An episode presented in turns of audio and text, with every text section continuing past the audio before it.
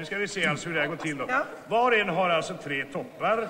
De kallas för pirater. Och så gäller det att komma först eh, till skatten som är här i mitten alltså. Och sen så... Oh, jag har för blåa toppar. Kan jag inte heller få gula? Gult det är min lyckisfärg. Alltså ja, men byt med mig. Tja, tjata om färgen, det är ju barn. Nej, nej, nej. Nu samlar vi allihopa till skatten. Jaha.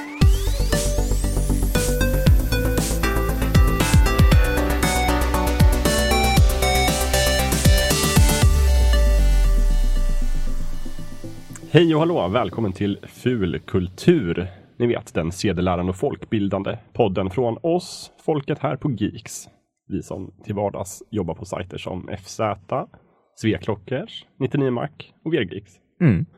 Eh, idag så har vi en hungrig panel här bestående av min kollega Andreas Eklöf. Hej hej. Hej! Min kollega Amanda Reventlid. Hej hej. Hej! Fulkulturpremiär för dig. Ja, I alla fall i podden. ja det är det. Du har varit med lite och packat upp någon Star Trek-box Mm. på Facebook, men eh, välkommen till, till poddstudion. Tack. Och så är jag, Jakob Nilsson. Idag så har vi ju ett ämne som ligger mig varmt om hjärtat, nämligen brädspel. Mm. Det var Jocke Bennett som tyckte att jag skulle eh, leda det och jag behövde väldigt, väldigt lite övertalning Ja. för att göra det. Så att nu är det här. Förra gången pratade vi äventyrsspel, förra, förra gången pratade vi rollspel. Det är lite som en trilogi här nästan. Mm. De tre spelavsnitten. Men idag är det alltså brädspel. Och eh, jag tänker mig att, att båda ni två är, precis som jag, ganska inne på brädspel. Mm. Det kan man säga. Ja, det, det vore helt korrekt. Som vanligt i avsnittet så tänkte jag att vi kunde börja lite med att checka in, berätta vad som hänt under veckan, vad vi har gjort och sådär. Har vi spisat, lyssnat, ätit, upplevt någonting? Fullkulturellt. Andreas, vad säger du?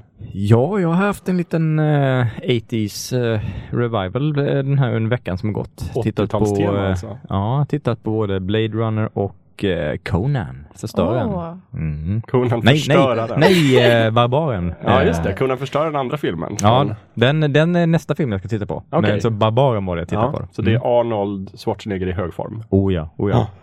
och Tulsa Doom. James Ja, Earl Jones. Just det. Mm. Sen finns det ju också Röda Sonja kan du kolla på. Som, där Arnold också är med och spelar barbar. Mm. Men inte Conan utan en annan barbar som är väldigt lik Conan.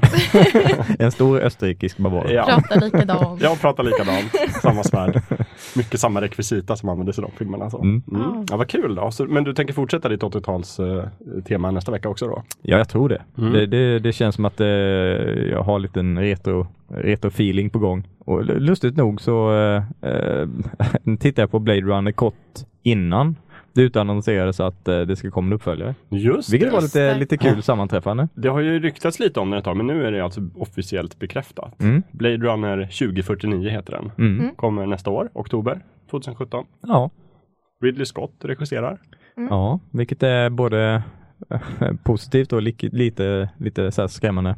Han, hans track record har ju varit upp och ner eh, på senare år. Ja. Han har gjort väldigt bra filmer men också en del tveksamma filmer. Det, ja, jag vet Ja. inte riktigt vad jag ska, jag, jag hoppas det jag, blir jag bra. tycker väl att generellt kan man väl säga att hans bästa filmer ligger liksom förr i tiden. Mm, Mm. absolut. Och de senare har varit lite olika. The Martian regisserade han till exempel. Den tyckte jag var väldigt bra. Eh, sen har han gjort några andra som jag inte tyckte var bra. Jag har ju bestämt mig för att ta liksom mer en positiv ställning. Utan liksom så här att jag bara, nej, nu ska jag vara positiv till det här. Ända tills jag blir motbevisad. Eh, Du, du så ser, jag fram emot Blade det här. Runner. Mm. Ja, kul. De har ju tinat upp Harrison Ford också. Mm. Ja. Han ska vara med. Och det här stjärnskottet Ryan Gosling ska också vara med. Just det. Just det. Kan bli bra. Det kan bli Kan bra. bli dåligt. Kan bli, jag vet inte. Kan Men- Men, Harrison Ford funkar ju bra i Star Wars så att eh, kanske går bra den här gången också. Ja, just det. Ja. Ja. Men han börjar också bli lite så här gubbsnurrig. Fast tydligen så ska det inte bara bero på ålder. Men... Jaså? Nej, det var någonstans jag läste om att så här, han håller på rätt mycket med hasch. Så att då, liksom, det är därför han är, gör så lustiga intervjuer. Jaha. Jaha, det har jag missat helt. Ja. Har vi källa på det eller är det liksom Nej, jag måste- ja, Nej, jag okej. ska kolla Det är. Illasinnade rykten säger jag. Precis. Ja, du då Amanda, vad har du haft för dig den här veckan? Eh, jag har, för det första, igår så blev jag jättesugen på musikaler. Efter Oj. att vi pratade om att det inte finns några på Mm. Netflix. Eh, så hela morgonen nu så har jag lyssnat på soundtracket till Hair. Det är också ett spännande framtida ämne, musikaler. Mm, tycker om musikaler mycket. Mm. Eh, men annars så har jag kollat på Penny Dreadful. Det är Ja. väldigt bra. Ja, det är väldigt Mm. bra. Eh, och sen så har jag kommit fram till att jag ska eh, starta ett nytt projekt. Där jag samlar in alla dokumentärer och filmer som har någonting med eh, roller derby att göra. Åh, just det. Som är ett av dina stora privata intressen. Ja, Mm. precis. Eh, Så jag har skaffat mig en dokumentär. Ja, kul. Du får uppdatera oss ändå hur det går med det här hopsamlandet. Kanske det kan bli en tipslista sen någon gång. Ja, Mm, för det kan vi säga redan nu. Allting vi pratar om i podden lägger vi upp i en länklista Ja. som vi delar med poddarna. Eh, själv så har jag kollat ganska mycket på tv den här veckan faktiskt. Jag har kollat igenom hela Luke Cage, Marvel, nästa Marvel-serie på Netflix. Mm. Den tyckte jag var ganska bra. Precis som de flesta sådana här Netflix eh, Marvel-serier så tycker jag att de är några för många avsnitt. Kanske. Mm. De kör på med 13 avsnitt av en anledning. Jag tycker det blir lite segt i slutet. Typ 9 eller 10 hade varit bra. Ja, det händer ju ganska mycket bara i de första fyra avsnitten. Ja, det händer ganska mycket och alla de här, både Daredevil, båda säsongerna och Jessica Jones och den här, så känner jag liksom att storyn är i princip klar. De skulle kunna bara avsluta på två avsnitt, Mm. så här framåt avsnitt åtta. Men istället så kör de alltihopa ett varv till. Men jag tänker att 13 stycken brukar är liksom en klassisk, antingen är de typ fyra Mm, eller så är Jo. de typ 13. Ja, det är sant. Jo, men det, det är en klassisk sån här kort säsong i Ja. amerikansk tv. Men, men det, jag blir väldigt glad när jag tänker på Stranger Things till exempel, som bara var åtta avsnitt. Mm. Och det Just det. kändes som en helt perfekt längd för den, den berättelsen de ville berätta. Mm. Eller de skulle kunna temposatt det bättre så att det passade bättre på 13 avsnitt. Den storyn de försöker berätta. Ja, precis. Någonting sånt. Men ändå, det var, det var kul. Och framförallt var det väldigt mycket glimtar till liksom gamla 70-tals Blaxploitation-filmer och sådär. Mm. Typ Väldigt bra musik. Shaft. Väldigt bra musik. Väldigt Mm. mycket 70-tals hiphop. Mm. Och sådär. Och det är också Luke Cage, det vet ju alla om man har läst Marvel-serierna, att Luke Cage skapades ju mycket som ett svar på just att till exempel Shaft började Mm. komma på film. Och de här liksom, tuffa, svarta huvudpersonerna och hjältarna. Det kanske ska bli min nästa efter jag kollat klart på Penny Dreadful. Ja, jag tycker det. Mycket våld Mm. och coola kommentarer och sådär. Saker jag gillar. Ja. Också ganska mycket, tycker jag, samhällskritik på en nivå. Inte så här jätte, jättedjup, men ganska. My- Bara det här just att det är en, det är en osårbar eh, svart man som inte kan bli skjuten. Mm. Liksom, spännande. Och det tar de också upp i filmen och liksom nämner att Och det är väldigt aktuellt nu med Black Lives Matter-rörelsen och det. Ja men verkligen. Mm. Så lite högaktuellt kan man säga. Så det har jag kollat på. Sen har jag börjat titta på Westworld faktiskt, som jag nämnt tidigare här i podden. Mm, okej. Eh, det är två avsnitt ute, jag har sett båda. Och är väldigt förtjust än så länge. Mhm. Mycket bra, mycket spännande. Blir nästa projekt för min del. Ja det tycker jag, kan jag rekommendera. Förra avsnittet, Andreas, då var ju du med. Då pratade ni om äventyrsspel. Mm. Du och Jocke Bennet. Mm. Jag är fortfarande lite bitter att jag inte hade möjlighet att närvara då. Sådär. Eh, Det är också ganska mycket läsare som har lämnat feedback på, vi går att följa Fulkultur på Facebook till exempel. Mm. Och även har vi Instagram-flöde helt enkelt, Fulkulturpodden kan man söka oss där. Och så där. Det har ju bara strömmat in eh, tips och gamla spel som ni inte nämnde. Och så frågar folk var, varför nämner ni inte det här? Mm. Och så där. Har du några kommentarer på det? Eh, fanns väldigt många spel på våra listor också som vi inte hann ta med helt Mm. enkelt. För annars skulle ju avsnittet bli helt ohållbart eh, långt. Men eh, det var ju på, på kommentarer på 99 Mac och på Sveklockes Mm. och på Facebook så folk sa att ja men det här spelet så sa jag, jag vet, jag, Ja. jag ville också ta med det, var på min lista också men nej. Man hade Eh, behövt ha ett dubbelavsnitt. Ja, det känns nästan som det. Eh, så att, eh, jo, ja, eh, vi, vi är mycket, mycket väl medvetna om att det Mm. Var många spel som skulle varit med. Man kan dra slutsatsen att det, var, det är fortfarande en väldigt populär genre. Mm. Verkar ligga väldigt många varmt om hjärtat. Många lyckliga nostalgiska minnen som ligger begravda i de där gamla eh, peka-klicka-spelen. Ja, helt klart. Jag, jag kan bara ta två exempel som, som togs upp sen bland responsen. Som, eh, dels Cruise for a Corpse, Mm. som är ett så här, detektiv-äventyrsspel från Delphin Software. Samma eh, utvecklare som gjorde Another World till exempel. Mm. Känt plattformsspel. Mycket bra, stämningsfullt. Eh, och sen Indiana Jones, Fate of Atlantis. Nämnde ni det överhuvudtaget? Det gjorde vi inte. Det gjorde ni inte? Men jag spelade inte det back in the day, tyvärr. Eh, ett annat spel som nämndes var Discworld Noir. Har spel Just det. på olika håll. Det Ja. hade jag med på min lista. Också så här gammalt skönt eh, 3D-äventyr i Discworld-universumet. Ett av de spelen som inte åldrats sådär jättebra tyvärr, som är fallet med många 3D-spel. Ja. Eh, t- 2D-spelen åldras ju mycket bättre Mm. när det gäller de gamla peka-klicka-äventyren.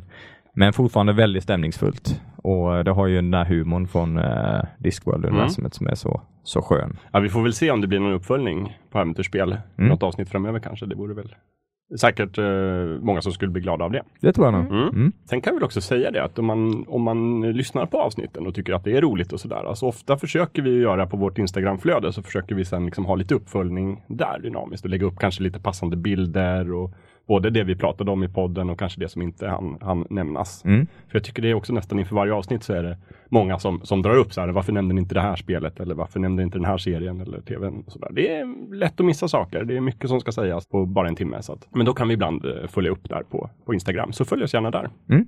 Ha, hörni, brädspel. Vad, eh, vad liksom infallsvinkeln i brädspel här, vi försöker hitta någon, någon form av vinkel är väl liksom precis som, som kanske för rollspelarna att vi här på Fulkulturpanelen, vi upplever någon form av revival för brädspelen. Mm. Kan man väl säga. Absolut. Varför är det så populärt nu för tiden? Har det alltid varit populärt? Vad är det som har hänt med brädspelen? Om man jämför med till exempel Monopol då, som är världens mest kända och kanske sålda sällskapsspel Mm. som är från, inte vet jag, 40-talet. 30. 30, du har kollat upp. 1930, jag har kollat upp det. Ja, det klassas som det första moderna eh, brädspelet. Mm. Mm. Eh, för att det är ju jättelångt tillbaka. Alltså olika typer av brädspel som liksom backgammon, um, schack. Mm. Ehm, men det här var liksom det första eh, moderna. Okej, Eh, och sen så kom Risk. eh, När kom det då? Åh, det var typ 47 eller 50 någonstans Jaha, där. Förr i tiden kan vi säga i alla Eh, fall. Förr i tiden. Ja. Eh, och sen så kom det liksom, sen så kom alla tyska spel. Mm. Eh, som kanske är de som vi, eller som jag i alla fall mest spelar idag. ja, Eh, som typ Carcassonne, just tror jag det. räknas som ett, och Mm. Settlers. Liksom den designen. Ja, ja. eh, och Man- upplägget. Ja, precis. Man pratar ju om, om Eurogames i, i spelkretsar och då är det mycket just det här ofta tyska spel. Eh, det handlar mycket om att samla resurser och eh, man spelar med liksom inte så mycket kanske direkt krigföring och kanske inte så starkt narrativt tema. Men, men Settlers är ju ett jätte, jättebra exempel på det. Mm. Mm. Och Carcassonne. Mm. Och även om de inte är så mycket strategisk krigsföring så blir det ju rätt Det blir bli någon form av konkurrens runt spelbordet i alla Mm. fall. så. Mm. Och det är ju en annan grej då, liksom man, för det finns ett gammalt ord som sällskapsspel som i alla fall var det som gällde när jag var liten. Och nu börjar man prata om brädspel. Mm. Eh, vad är skillnaden? Är det någon skillnad? Alltså, sällskapsspel kan ju innefatta mycket mer än, än bara det som vi, vi klassar som eh, brädspel. Det ska ju oftast vara någon form av spelplan in, inblandad eh, Mm. där du ha, har någon slags spelupplevelse runt omkring. Och de spelupplevelserna kan ju se väldigt annorlunda ut. Eh, men sällskapsspel kan ju innefatta kortspel eh, Mm. eh, som Magic the Gathering och eh, Cards Against Humanity och sånt. Så det, det kan man ju inte kalla brädspel. Men det är definitivt sällskapsspel. Ja. Mm. Jag Eh. det var ett sällskapsspel med ett, liksom, som ett paraplybegrepp Mm, för olika typer av spel. Men, precis. men ett brädspel måste ha ett bräde då helt enkelt eller? Någon form av spelplan. eh. Det är ett krav. skulle, skulle jag nog säga. Ja. Alltså det, sen, sen kan ju de se väldigt annorlunda ut.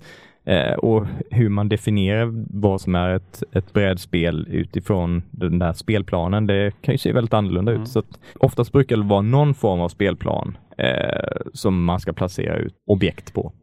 Ja, ja, för att som till exempel Carcassonne då. Det är ju liksom inte, det är inte en spelplan så, eller man bygger ju den, det är det spelet går ut på. Mm. Så det är ju väldigt så här att det finns ju några spel som verkligen ändå väljer att frångå den liksom klassiska, så här, har du ett bräde, det Mm. börjar du med. Ja, jag tror, jag, jag tror det blir ganska svårt om, om man ska ha det som ett stenhårt definitionskrav att det ska vara ett bräde så kommer man Mm. hitta undantagen. Men, Mm. men som generell tumregel kan man väl säga att ett brädspel har ett bräde oftast. Mm. Mm. Och att sällskapsspel spelas i sällskap.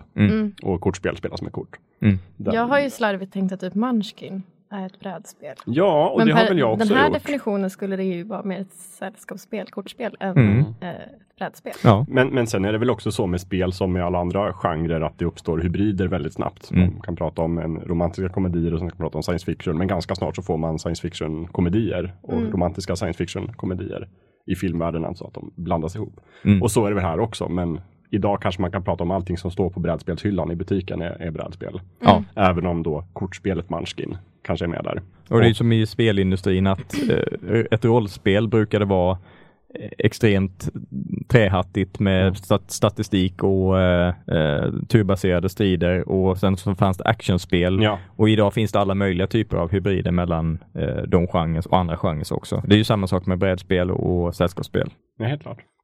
Men jag tänkte kolla lite, vad har ni liksom själva för erfarenheter? Har ni spelat hela era liv? Är det någonting som har kommit nu då, om, det, om vi pratar om någon form av revival för brädspelet? Eller var ni med från början? Eh, nej, men jag har väl alltid tyckt om att spela, men jag tycker också om väldigt enkelt, alltså jag är lätt, lättroad. Eh, Det är ett stort plus i alla möjliga sammanhang. Ja, ja men eh, så här, till exempel som jag växte upp med eh, min farmor, vi spelade alltid skitgubbe. Alltså ett kortspel. Ja, ja, ja. Just det. Ehm. Sopgubbe hette det hemma hos oss. Ja, Mm. jättelättroad. Alltså så här, Mm. det, kunde sitta en hel dag med det. Eh, älskar också Finns i sjön.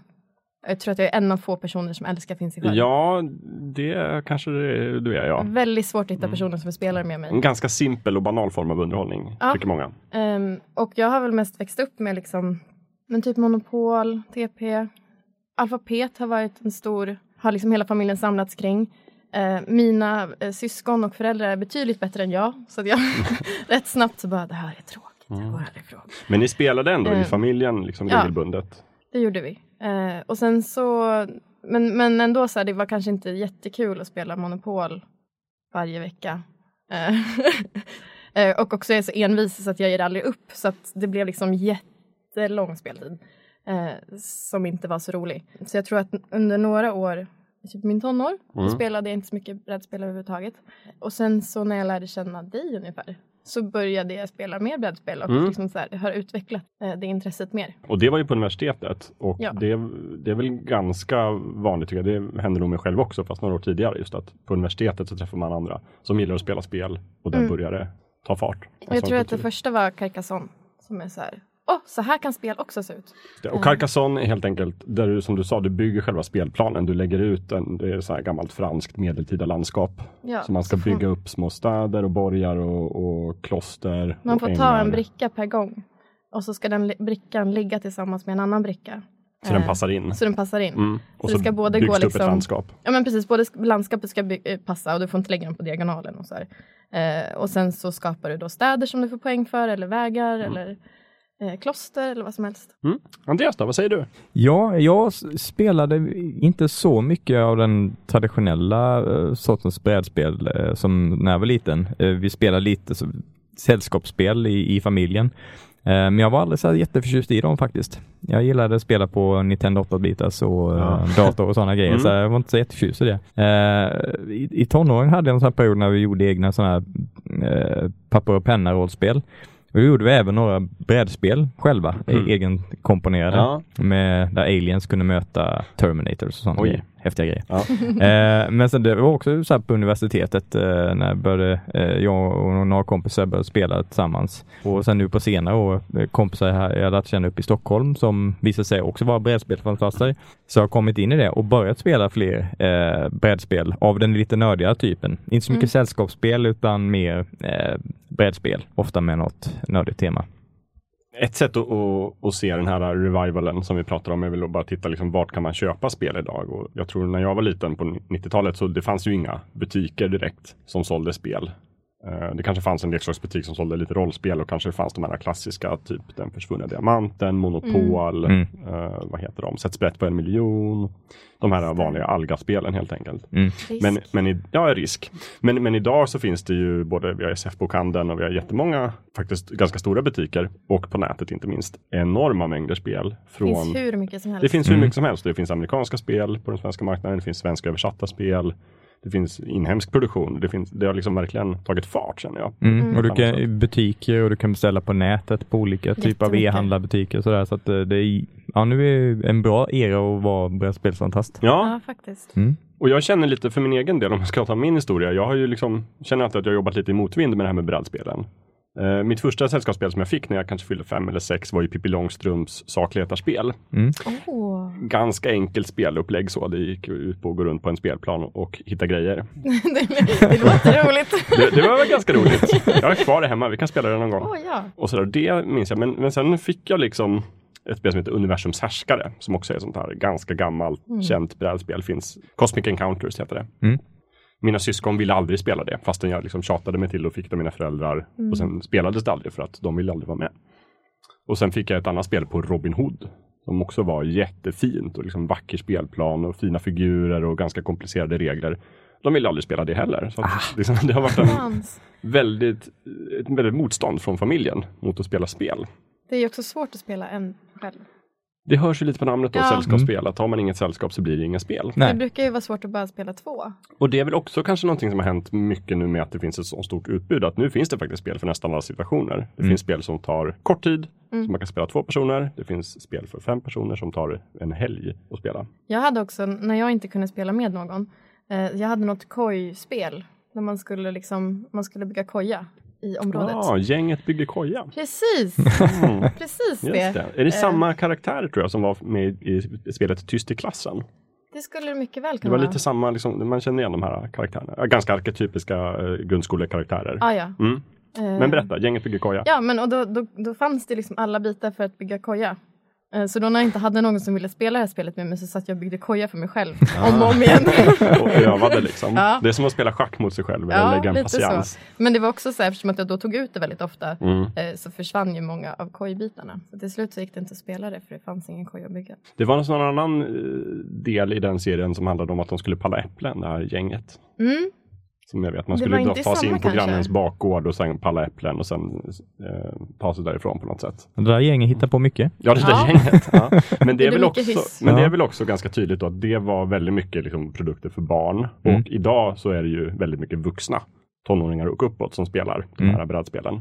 Vi är ju vuxna allihopa Ja. och spelar. Jag tycker det verkligen märks en skillnad. Väldigt socialt accepterat sätt att umgås. Och också liksom utbudet har ju följt. Men vad tror ni, liksom, om vi ska spekulera lite eller våga oss på några grundade gissningar. Vad, liksom, varför är det så populärt helt plötsligt med brädspel?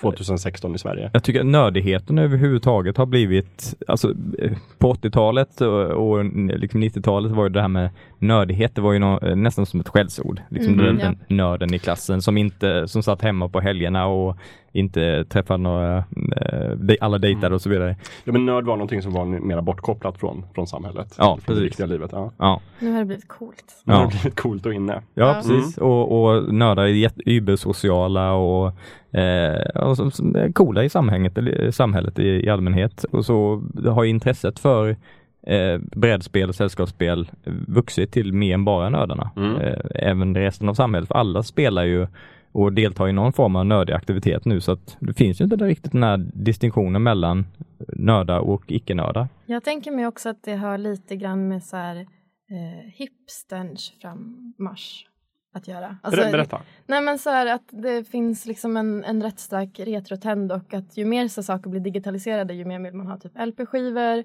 man vill leta tillbaka till typ det genuina eh, och då ett sätt att umgås tillsammans, liksom inte bakom skärmar utan kring ett bord, Mm. är att spela spel.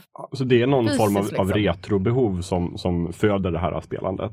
Jag tror det. Ja, det är Mm. jättespännande. För Och det, även om det inte var så stort förut så har man liksom på något sätt gjort sig en bild av att så här, det är så här man ska umgås eller så, här, Mm. så här man umgicks förut. I de här gamla 1800-talsstugorna med trappa till dem, så satt man och spelade Carcassonne. Ja men att det blir liksom en, en eh, att man tänker att det blir en så genuinare upplevelse Mm. oavsett om det är så eller inte så finns det något så romantiserande kring det analoga. Ja, men precis som med, med vinylskivorna som du nämnde. Att i, idag när man kan lyssna på all musik direkt i mobilen på Spotify så uppstår det någon form av, av kärleksförklaring till de här gamla, ganska risiga analoga medierna med Mm. dåligt ljud och liksom bräckliga skivor och som tar mycket plats. Väldigt intressant. Mm. Och du har ju spelat eh, digitala brädspel, eh, Jakob. Vad skulle du säga eh, om eh, att uppleva det digitalt kontra analogt? Ja, det är faktiskt det är en lite sån här un, underliggande trend kanske om att först blir de här vanliga fysiska brädspelen väldigt, väldigt populära och allmängiltiga. Mm. Och sen framförallt har jag spelat då på en iPad som ju är egentligen ett portabelt spelbräde. Och många, det gör ju att många av de här brädspelen passar väldigt bra. Mm. Men det de har gjort där framförallt är ju att det är oftast så spelar man den själv, kanske antingen mot datorn eller online då mot någon annan som har en iPad. Eh, jag har spelat ganska många, som du säger. Eh, en del av dem tycker jag blir bättre på vissa sätt än de här fysiska spelen. Carcassonne, som vi återkommer till hela tiden, är Ja. ett bra exempel. Ju, Ja, just i datorversionen av Carcassonne. Och det finns lite olika spellägen som man, Mm. som man kan spela. Det är lite som att ha en kortlek, fast man kan liksom spela solo-versionen av Carcassonne. Andra spel är väl helt enkelt bara en ganska bra digital version av det analoga spelet. Funkar precis likadant. Mm. Men eh, ja, ja det, det har jag fastnat för faktiskt ganska mycket. Och sen när, när man blir vuxen så blir det ju svårare och svårare att samla människor. Liksom för en kväll eller en helg och spela. Mm. Där kan jag tänka mig att de digitala versionerna kan göra det lite lättare att spela tillsammans med dina kompisar utan att ni måste liksom sätta en hel helg till det. Men jag tror också att, om vi ska, just, att brädspelen är så populära är just att det, det är faktiskt, visst det tar tid, men det finns liksom spel som tar kort tid, det finns spel som tar lång tid. Mm. Men det är ändå någon form av begränsad tid. Om vi, Mm. vi pratade om rollspelen för några avsnitt sedan, där det faktiskt kan ta det kan ta ett helt år om Mm. man jobbar med en lång kampanj. Eller eh, kanske dataspelen som också är någon form av konkurrens. Medan brädspelen är faktiskt här, just som du sa, man, man kan samla sina fysiska vänner i verkligheten Mm. och, och spela ett tag. Och sen så kan man inte veta vad man gör efteråt, om man åker hem eller om man går ut eller Jag tänker också att det är så otroligt bra komplement till typ att man äter en middag tillsammans. Och sen istället för att sitta och liksom så här bara prata i timmar efteråt Mm. så kan man passa på att spela spel tillsammans. Eh, Under en period i min tonårstid så samlades man ju bara och tittade på film. Mm. Och det var det enda man gjorde. Och sen var kvällen slut. Och det här känns ju som någon sorts mera kanske kvalitetstid jämfört med det. Men för det är också så här, du tog upp det med nördigheten Andreas, att det är klart att det finns där som en faktor just att nörden har blivit så allmängiltigt och accepterat idag och det har såklart drivit både liksom datorspel, rollspel och brädspel. Mm. Men jag slås också av att det är så otroligt många icke-nördar som ändå har fastnat för det här med brädspel. Flera av mina vänner är liksom, skulle aldrig kalla sig själv nörd och har liksom ingen koll på serier och gillar inte liksom superhjältefilmer eller andra klassiska arketypiska nördsaker. Men är helt inne på många, många brädspel. Mm. Vi har ju en gemensam kompis. Hon har absolut ingen, ingen nörd i sig överhuvudtaget. Bortsett från just brädspelen som hon älskar. Mm. Mer än, än oss på många sätt. Ja, ja, det är så här, jag vill spela spel, vill ni ses? ja. Eh, Precis, och det, jag, jag känner många människor som faktiskt är det. Att det här är så det måste ju ge folk någonting mer än bara liksom nördfaktorn. Mm. För det är också, vi kommer väl komma in på det strax, olika typer av spel. Men många av dem är ju såklart, ju upp liksom typiska nördsaker. Det finns Game of Thrones-spel, det finns Battlestar Galactica. Och, men andra är ju tematiskt är de mer allmängiltiga. Mm. Mera liknande kanske schack och monopol. Som till exempel Carcassonne. Eller om vi ska vända, eller växla, blanda upp högen lite, Nadå då. Är väl också ja, populärt. just det. Jätteroligt spel. Mm. Eh, Ja, va, berätta vad det går ut på. Ja, du ska helt enkelt eh, placera olika händelser, historiska händelser på en tidslinje. Så om, om du, du, du drar olika kort och sen så får du, ja, det, den här saken hände, det, den, här, den här politiska händelsen hände, Mm. eller den här dammen byggdes och så ska du gissa, ja, det hände nog före 1870. Just Exempel, och har du då rätt så får du försöka en gång till. Då lägger Mm. du det här kortet på tidslinjen och så får du försöka en gång till.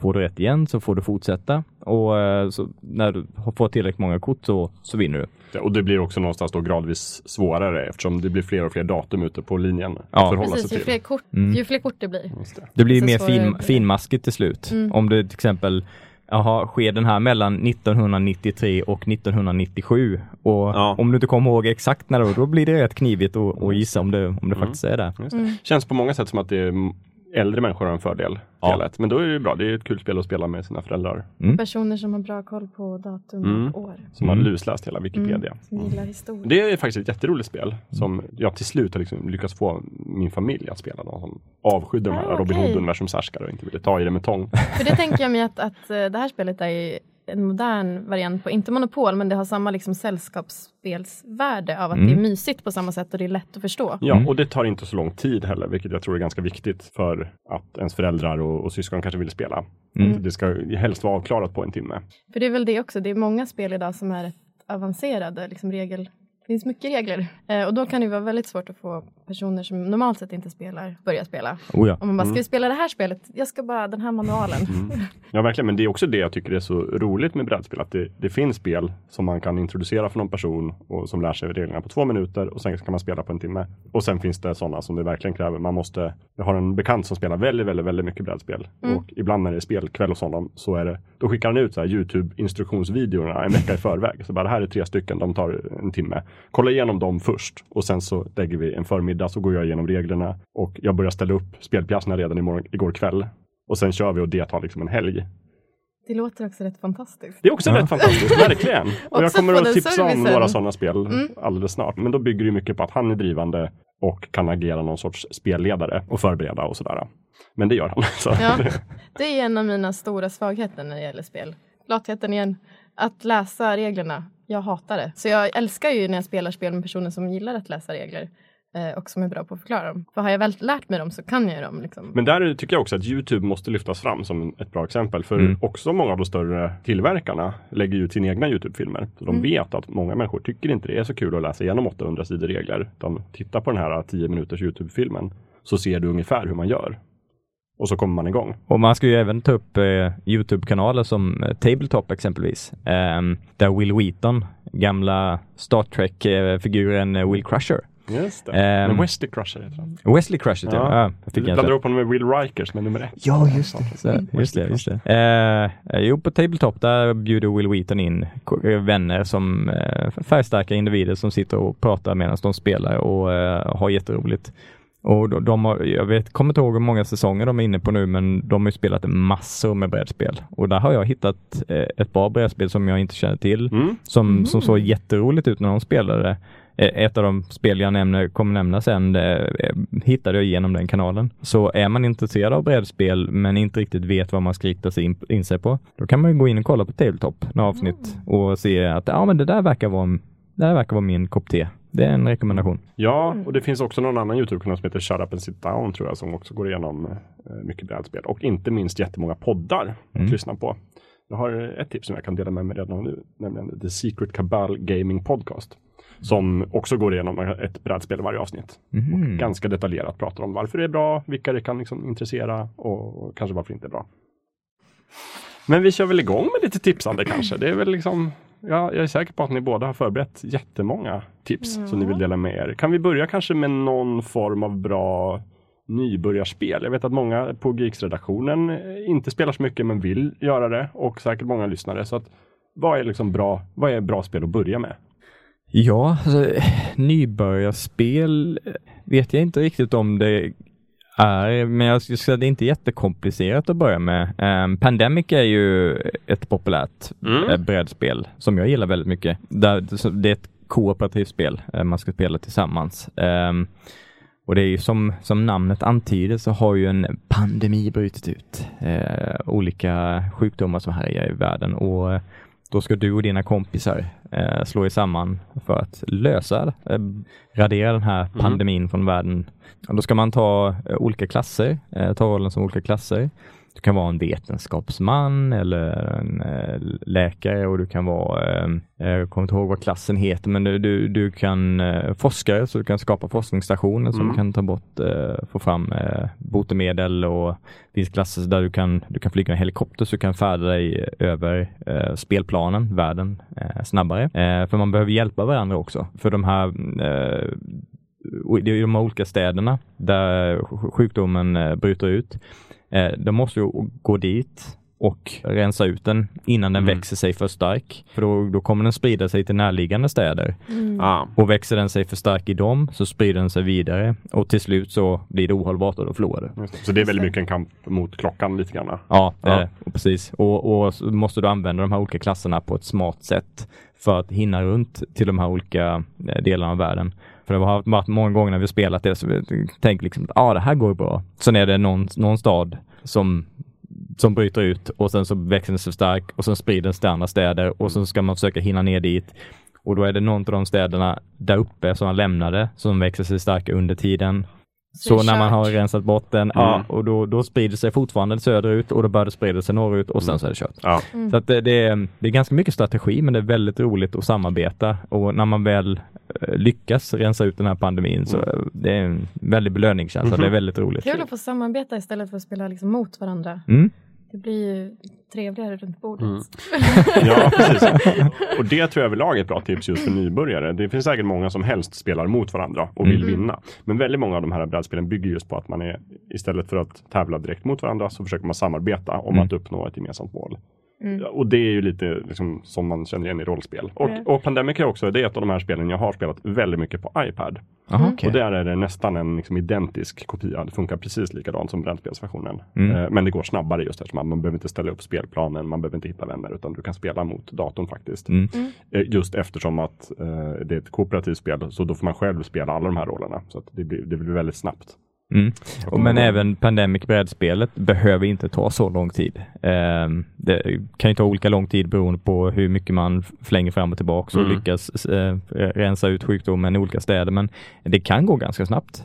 Oavsett om det går snabbt att du dör eller om du, klarar spelet så, eh, så behöver man inte tillägna en hel spelkväll till en session. Nej, Och det är väldigt bra. Pandemic alltså. Mm. Du då Amanda, något jag bra tycker nybörjarspel? om, eftersom att jag då tycker om ett spel som kanske andra tycker så här, oj, det där, Eh, Cluedo. Jag älskar Cluedo. Det är ett av de roligaste spelen jag vet. Också är väldigt... det verkligen det? Jo, men, jag, jag personligen tycker det. ja. Eh, och det finns ju också... Är det roligare än Finns i sjön? Ja, jag skulle nog säga att det är lite roligare än Finns i sjön. Eh, men jag älskar liksom detektivspel och Mm. mysterium och mord. Låter lite mobilt sådär. men, eh, och det är ju liksom, jag tror att det var ett tv-program som var rätt stort på 90-talet. Mm. Eh, och sen så liksom kom det i brädspelsform. Ja, Eh, precis. Nu, själva brädspelet är mycket, mycket äldre än så. Ja. Det, det heter ju Clue liksom- på engelska. Och tror jag har rötter också i 50-60-talet. Men det är sant, de, de gjorde, SVT tror jag till och med gjorde någon... Ja, eller någon typ TV3. eller- Jag tror att det var TV3 eller 5, kanal 5. ja. För att jag var tvungen att gå hem till en kompis som hade liksom annat än skogsmulle-TV för att kunna se på det. Okej, Eh, ja. Men det var, Alltså ettan, ja. tvåan, Och fyran. Helge Skog spelade typ Pastor Plommon och sånt där. Ja. jag. Ja. Men och sen så på senare tid så har det också kommit ut en eh, ny version där man också kan bli mördad. Jag har spelat det hemma hos Ja. dig någon gång och jag lyckades mörda både dig och Eh, din kompis. Ja, du mördas alla. Ja. Eh, Ja men det är väl sant, det var en lite rolig twist på det. Just Ja. att, att det, jag, jag är måttligt förtjust i Cluedo egentligen. Mm. För jag tycker att själva, det är ett jättebra tema. Mord, en herrgård, vem har gjort det? Men just själva spel, sättet att spela det på är lite träigt tycker jag. Det handlar egentligen om att knäcka systemet och har man systemet, det vill säga om man spelat det tidigare, Mm. så är det bara att bocka av en lista och sen så går man och vinner spelet. Men jag tror att det är det här, för det är lite likt egentligen Mm. eh, Finns i sjön. För det, det man gör är att man kommer ihåg vad andra personer har och inte har. Just det. Och att man använder uteslutningsmetod för Mm. att få fram ett resultat. Eh, så det kanske är det som jag främst tycker Ja men om det kanske båda spelen. tilltalar mo- dig och många människor för det är ju också ett otroligt populärt spel. Ja, Mm. och eftersom att det just är så populärt så är det också kanske det är rätt lätt att förstå sig på. Mm. Det har, det har rätt enkla regler och många har liksom ett hum om vad det är innan Mm. man har spelat det. Och då måste jag faktiskt också lyfta upp eh, en lite variant av Cluedo som heter Kill Dr. Lucky. Som ju tar konceptet Cluedo och sen vänder upp och ner. Så att istället för att du ska avslöja mördaren så ska du vara mördaren. Och det går ut på att det, alla deltagarna då går runt med sina pjäser i en stor herrgård och försöker att bli ensamma i ett rum med denne Dr. Lucky då, som ska mördas för att eh, komma åt arvet eller hitta skatten Ja. eller något sånt där oklar anledning. Och, och för de andra då så gäller det att hela tiden hålla de andra inom synhåll. Mm. Så att man får, måste försöka hindra de andra deltagarna från att bli ensam med Dr. Lucky. Mm. Och Dr. Lucky själv går runt enligt en förvald eh, resa. går väldigt han, snabbt. Han, han bara vaggar av och an Ja. i de här olika rummen i huset. Och så har han oftast också en hund efter sig Just det. eh, i, i rummet bakom som inte heller får se en. Mm. Eh, så då brukar det första vara att man ska döda hunden. Precis, men det är en expansion tror jag, just det här Ja, med hunden, är. att den kommer in och sen så då blir det ytterligare svårare. Eh, Men annars är det också så att Dr. Lucky, han gör ju själv för sitt namn. Han har ju en otrolig tur. Så Ja. Det kostar ju en del, jag tror det är poäng för att liksom göra ett mordförsök. Man måste ha ett mordvapen som har en Mm. viss skada och sen så måste man då jag, lägga ett kort eller någonting. Sen så kommer ju alla motspelare, de kan ju lägga kort som så oturskort. Eh, typ att du snubblar på en banan. Mm. Du missade eh, när du försökte skjuta den. Ja men du tar biljardpinnen och ska precis stöta den i den här gamla eh, torre mannens hjärta och då någonting. duckar han och sen Ja. så ramlar man. Så, väldigt roligt spel. Ja. Mm. Också väldigt, han måste vara väldigt disträ och liksom inte så verklighetsnära, den här Dr. Lucky. Han är ju dement, det Ja, kan vi det säga. är ju verkligen.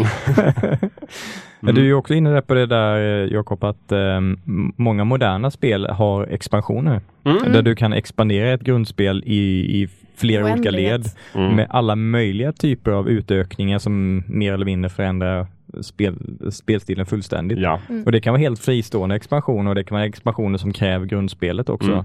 Det kan ju vara värt att veta om man ska köpa något av de här spelen och man bara söker på namnet att eh, eh, håll koll på att det kan vara expansioner Mm. som kanske eller kanske inte kräver eh, grundspelet. Mm. Ja. Mm. Ja, exakt. Och det brukar stå på kartongen men det kan vara värt att ha det i åtanke i alla fall. Mm. Att ingen blir glad av att köpa en expansion och sen har man inget spel att spela den till. Nej. Nej. Vi har ju också spelat eh, Save Dr. Lucky. Där man istället köpte. då ska liksom rädda honom från alla, alla vill döda honom. Ingen vill döda Ingen honom. vill döda honom. Alla vill, det är också så här. På en båt. Man spelar ju någon form av Dr. Luckys släktingar. Mm. Och då är det så här. Det blir lite sökt men resonemanget är. Man vill inte döda honom på båten för han måste komma fram innan man ska döda honom för att man ska få arvet. Just det, Jag så att han ska hinna underteckna testamentet Ja. eller någonting och båten sjunker för det är på Titanic. Ja. Och så måste man rädda honom. Och, och är det så också att man blir den, då, då är det tvärtom. Att man måste rädda honom inom synhåll för någon annan. Mm. För att då kommer man ju bli hjälte och då kommer man ju såklart att få det här arvet. Så man sen kan mörda honom. Så att man sen kan mörda honom i Kill och Lucky. Ja. Och sen kommer polisen och reder ut det i Cluedo.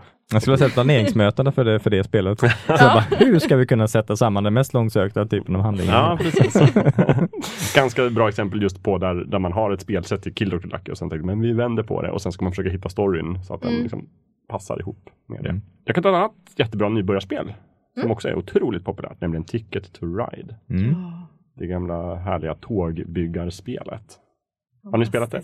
Nej, tyvärr Nej, inte. åh Andreas, du måste. Oj, det, måste, det här måste Jag åtgärdas. har sett det på Tabletop, men jag har inte spelat det. Nej, Nej, också ett sånt här otroligt populärt spel. Många som inte gillar spel eller någonting nördigt eh, Gillar liksom lockas av Ticket to Ride. Mm. För det är väldigt enkelt att spela, det går ganska snabbt och det är lite så här lagom kompetitivt. Fast man blir inte osams direkt ibland lite, men inte så farligt. det blir inte bråk. Nej, det blir Så, oftast det blir inte bråk som vissa andra spel. Ilsketårar som jag har varit med om i vissa fall. Ja, det, det är aldrig roligt när folk börjar gråta och skrika när man Ja. spelar spel. Det faktiskt... Men där var det faktiskt en expansion till Carcassonne. Åh, Eh, som jag säger att ingen någonsin ska spela. vilken eh, expansion är det? Vi kan utfärda en liten varning kanske. Eh, Prinsessan och draken. Köp det inte. För det leder För till bråk. Det leder till bråk. Jag har spelat det i olika, liksom, testat det med olika människor. Eh, det blir alltid väldigt dålig stämning. Men en gång så slutade det med att vi alla stod upp, tittade på bordet, skrek och någon liksom grät av ilska. Inte att rekommendera om man vill ha en trevlig spelupplevelse. Nej, Eh, men vill ni ha bråk så är det jättebra. man vill röra runt i grytan lite. Ja, precis. Det är fler tips då, lite mer avancerade kanske om man vill ha något att bita i.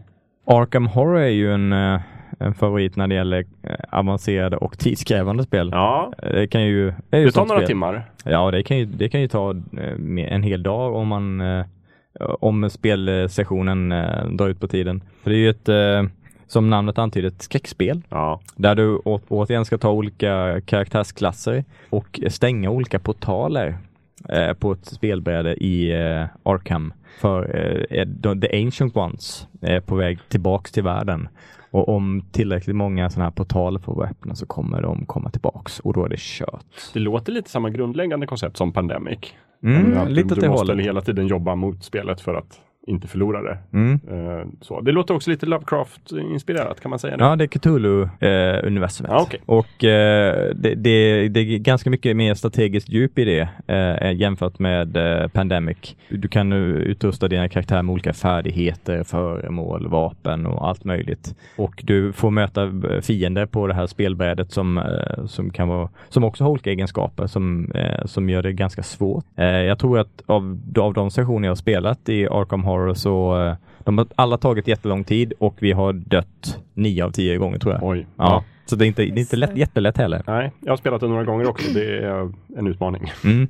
Men visst, jag har ju fått Eldritch Horrors. Eldritch Horror, det är en, en variant av det här spelet. Eller En hur? uppföljare kan man säga. Det är lite, lite enklare spelmässigt tror Mm. jag, men temat är lite bredare. För Arkham Horror utspelar sig bara i staden Arkham, Mm. som Mm, är är hela Lovecrafts böcker. Det här är hela världen. Ja. Precis. Men däremot så är de väldigt lika till spelsättet. Eh, stoppa portaler, eh, döda monster. Och- Samarbeta. Ja, samarbeta. Och visst är det också just det här att man måste hålla koll på sin mentala hälsa. Ja, När man träffar de Man här kan monstren, bli för de är så galen. läskiga så man kan bli galen.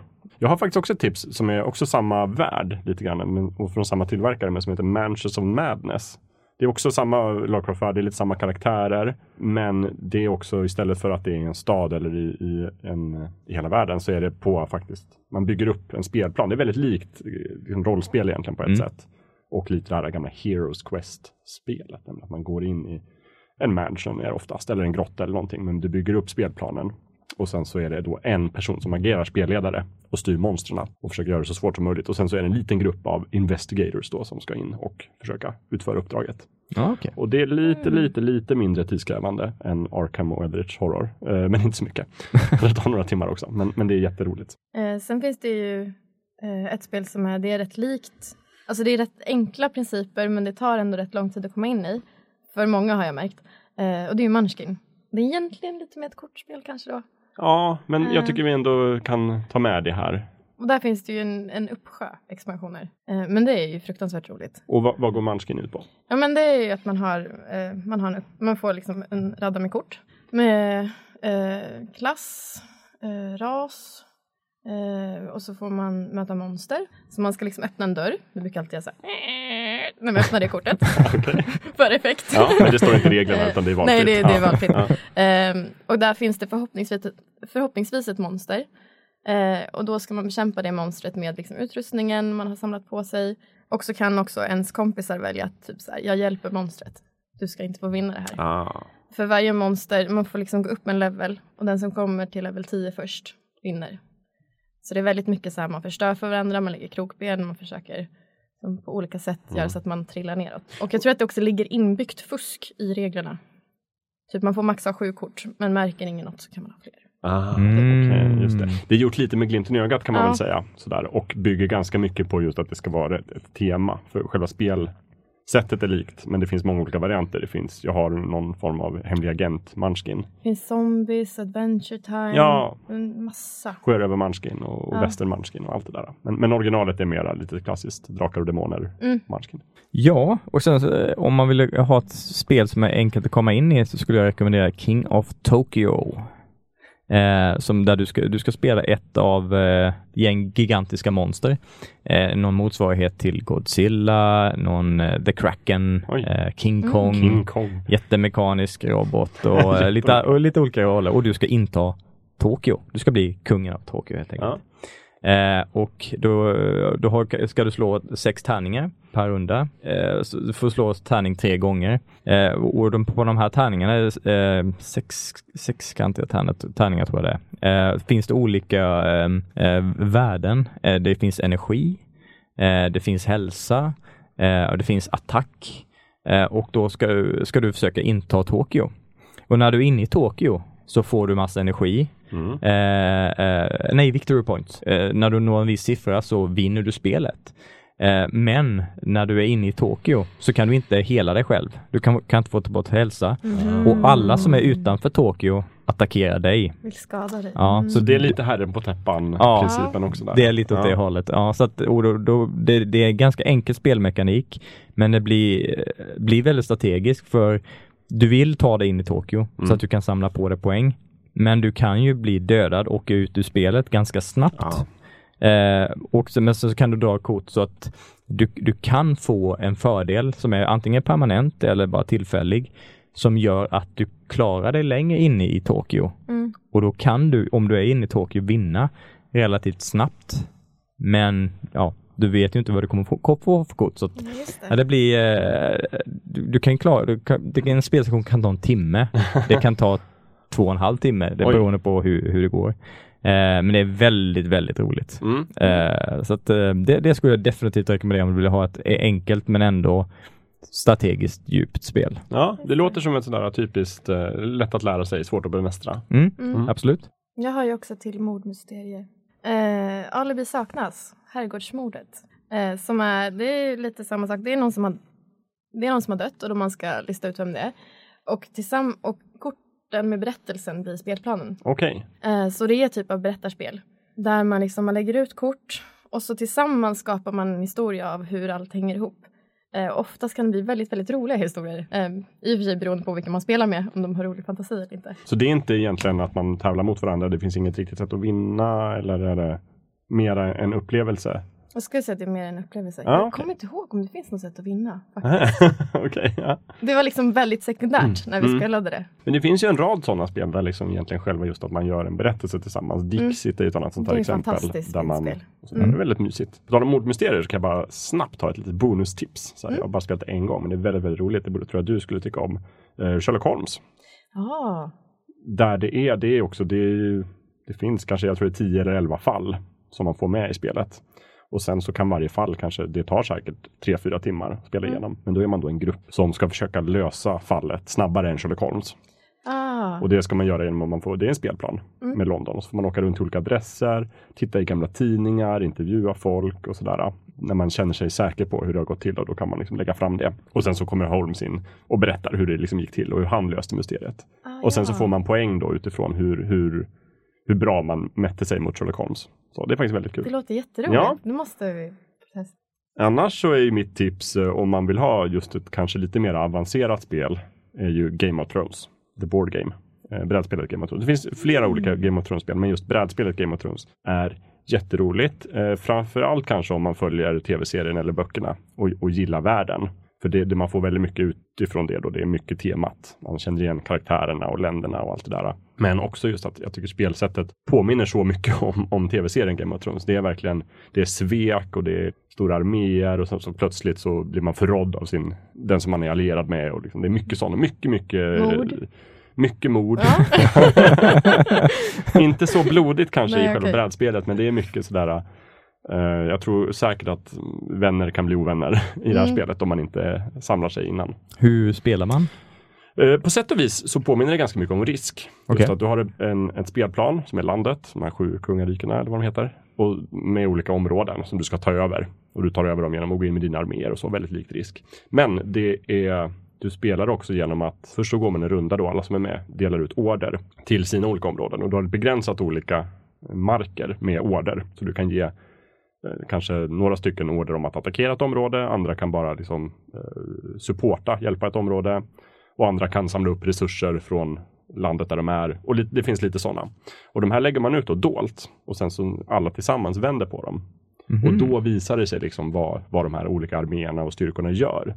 Så det är väldigt lätt att man har en allierad och så har man bestämt så här värsta planen att nu ska vi tillsammans krossa Amanda här. Men i sista nej. sekunden så visar det sig att dina order bara, du valde att gå mot mig istället. Vi Och hade så en blir jag förrådd. hemlig Ja. allians. En hemlig Mm. pakt. Dels också finns det, då spelar man ut också kort som är av de här olika karaktärerna från Game of Thrones. Så att beroende på vilket hus du är då, om du är hus eh, Lannister, så har du ju kända karaktärer som Tyrion Lannister och allt vad de heter. Som har olika naturligtvis eh, förmågor och styrkor. Eh, vissa är bättre på diplomati, andra är bättre på att slåss. Och sen så samtidigt med det här då så måste du försöka hålla koll på och få inflytande. Dels så finns det en inflytande där du kan sitta på järntronen, Iron Throne, om du är kung alltså. Då har du fördelar på det, då väljer du vissa saker du bestämmer. Sen finns det också, du kan ha koll på eh, och skicka de här kråkorna till höger och vänster. Ah, ja. Då har du viss information. Och sen så kan du också ha liksom de största arméerna och då får du andra fördelar av det. Så, så det, det får du välja lite grann också vart du ska. Du kan inte vara bäst på alla de här grejerna. Du måste välja lite. Och sen så ovanpå det så finns det naturligtvis de här The Wildlings i norr Mm. som när som helst kan komma och förstöra Såklart. alltihopa. Och då måste man gå ihop helt plötsligt och liksom samarbeta om man vill. Eller så förlitar man sig på att de andra gör det. Och då har man sig i bakgrunden. Men misslyckas man då, The Wildlings invaderar, då får man ju straff. Om man inte har Allihopa? hjälpt till. Ja. Men de som inte har hjälpt till då Ja, får, okej. får mera straff än de andra. Så det är Mm. hela tiden det här bollandet mellan att försöka liksom samarbeta vissa grejer men ändå försöka svi- svika de andra och vinna. Så Då, det, då kan man alltså svika varandra innan The Wildlings invaderar, så kan man bli tvungna att samarbeta medan man faktiskt vet att man eh, har blivit förrådd. diplomatiskt spel på många nivåer. Eh, det tar väldigt, väldigt lång tid. Det tar nog 5-6 timmar sådär. Det finns två expansioner. Båda expansionerna gör spelet kortare. Vilket jag tycker, därför rekommenderar jag verkligen expansionerna. Och de bygger på liksom senare böcker i den här serien. Då, så att ett av dem, då får man uppdragskort istället. För att Okej. grundspelet handlar bara om att ta över ett visst antal områden och få poäng. Men sen eh, första expansionen så får man då uppdrag istället som man ska utföra. Och den andra expansionen är helt enkelt att den förbereder spelplanen så att Många av de här områdena är redan tagna och man börjar inte på liksom nollpositionen. Utan... Men det är faktiskt ett jätte, jätteroligt spel. Okej, jag brukar På- annars vara skeptisk till så här... Licensspel. Ja, Ja, Mm. ja men det är Att otroligt här, de har välgjort. tryckt ut dem för att tjäna pengar. Det här spelet skulle funka jätte, jättebra egentligen vilken miljö som helst. Nu Mm. råkar det liksom bygga på Game of Thrones. Game of Thrones passar väldigt bra i spelet. Det är väldigt bra att de har blandat ihop spelsättet och temat. Men du som har spelat många spel, har du spelat det här Legend of Zelda-brädspelet? Nej, det har jag inte. Inte jag heller, jag är sugen på det. Oj. Om det är bra eller inte. Ja, om någon lyssnare har spelat det så tipsa, berätta. Är det bra eller dåligt? Mm, gärna. Eller halvbra? Så, det börjar ju närma sig timmen alltså, men jag tycker ändå vi hinner med några fler tips.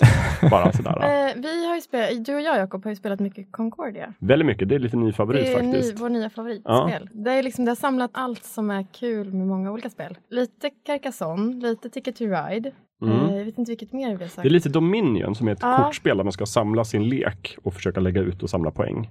Eh, Men det är sant, de, de väver ihop många av de här elementen i ett enda spel. Och man kan välja olika strategier. Mm. Ehm, för att i slutet så räknar man ihop poäng. Det är lite grann också så här, man kan välja vad man vill bli jättebra på. Så får Mm. man jättemycket poäng där. Ja men precis, du får egentligen poäng utifrån olika, det här utspelar sig under antiken i Rom, så det är Mm. romarriket som ska liksom sprida sig. Så du får poäng utifrån vilka av de romerska gudarna du har varit duktig inför. Ja. Så egentligen väljer du att få ut jättemycket kolonisatörer på kartan. Då blir Mars glad, guden Mars. Då får du poäng från honom.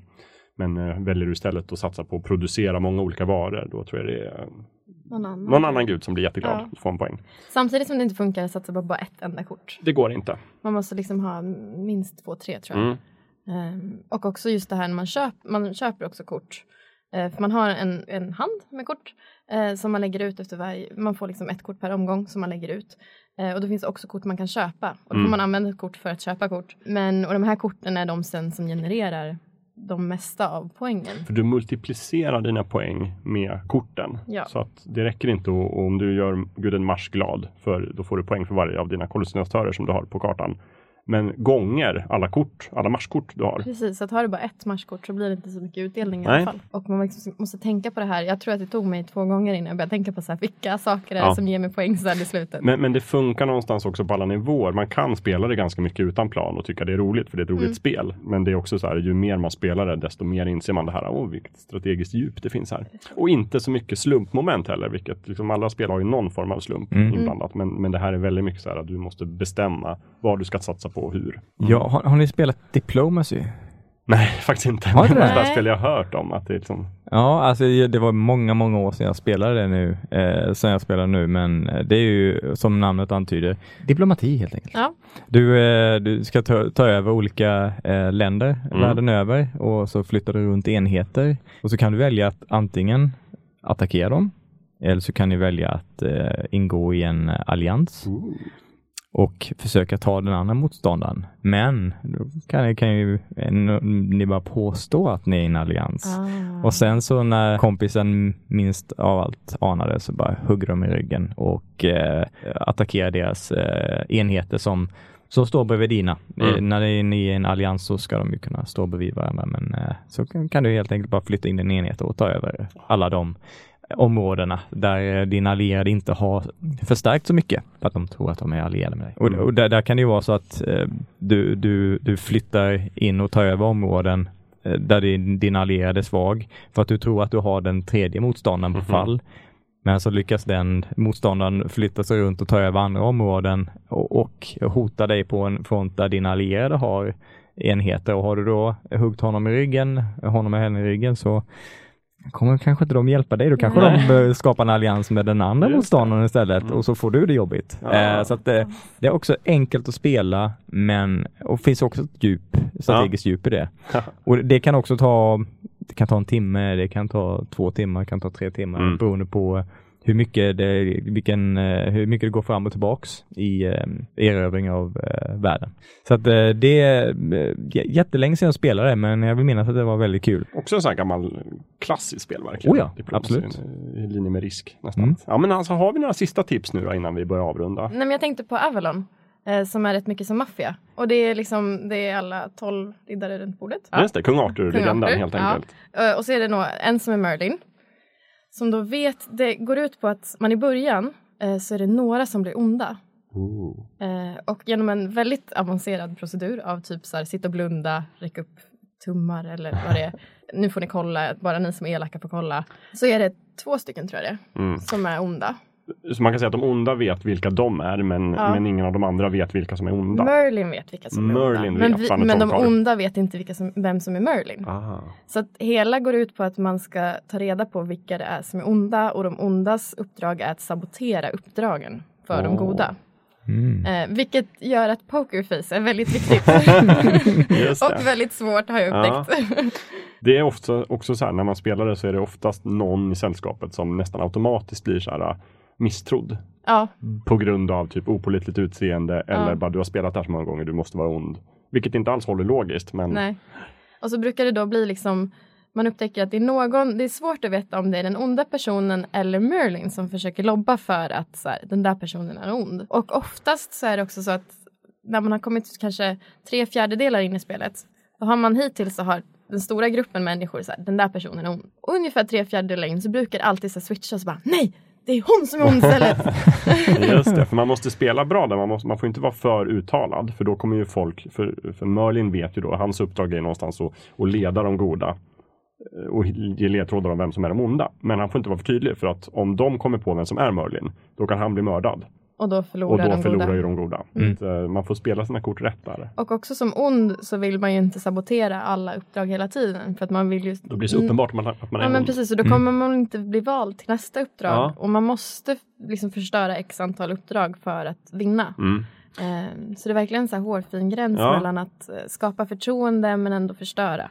Det är ju också ett spel där det funkar väldigt bra att köra kanske på fem personer, men du Mm. kan vara också tolv personer. Mm. Att Om du är fler så blir det mycket rörigare, men också roligare på något Ja. sätt. Vi ser rätt många spel på det konceptet.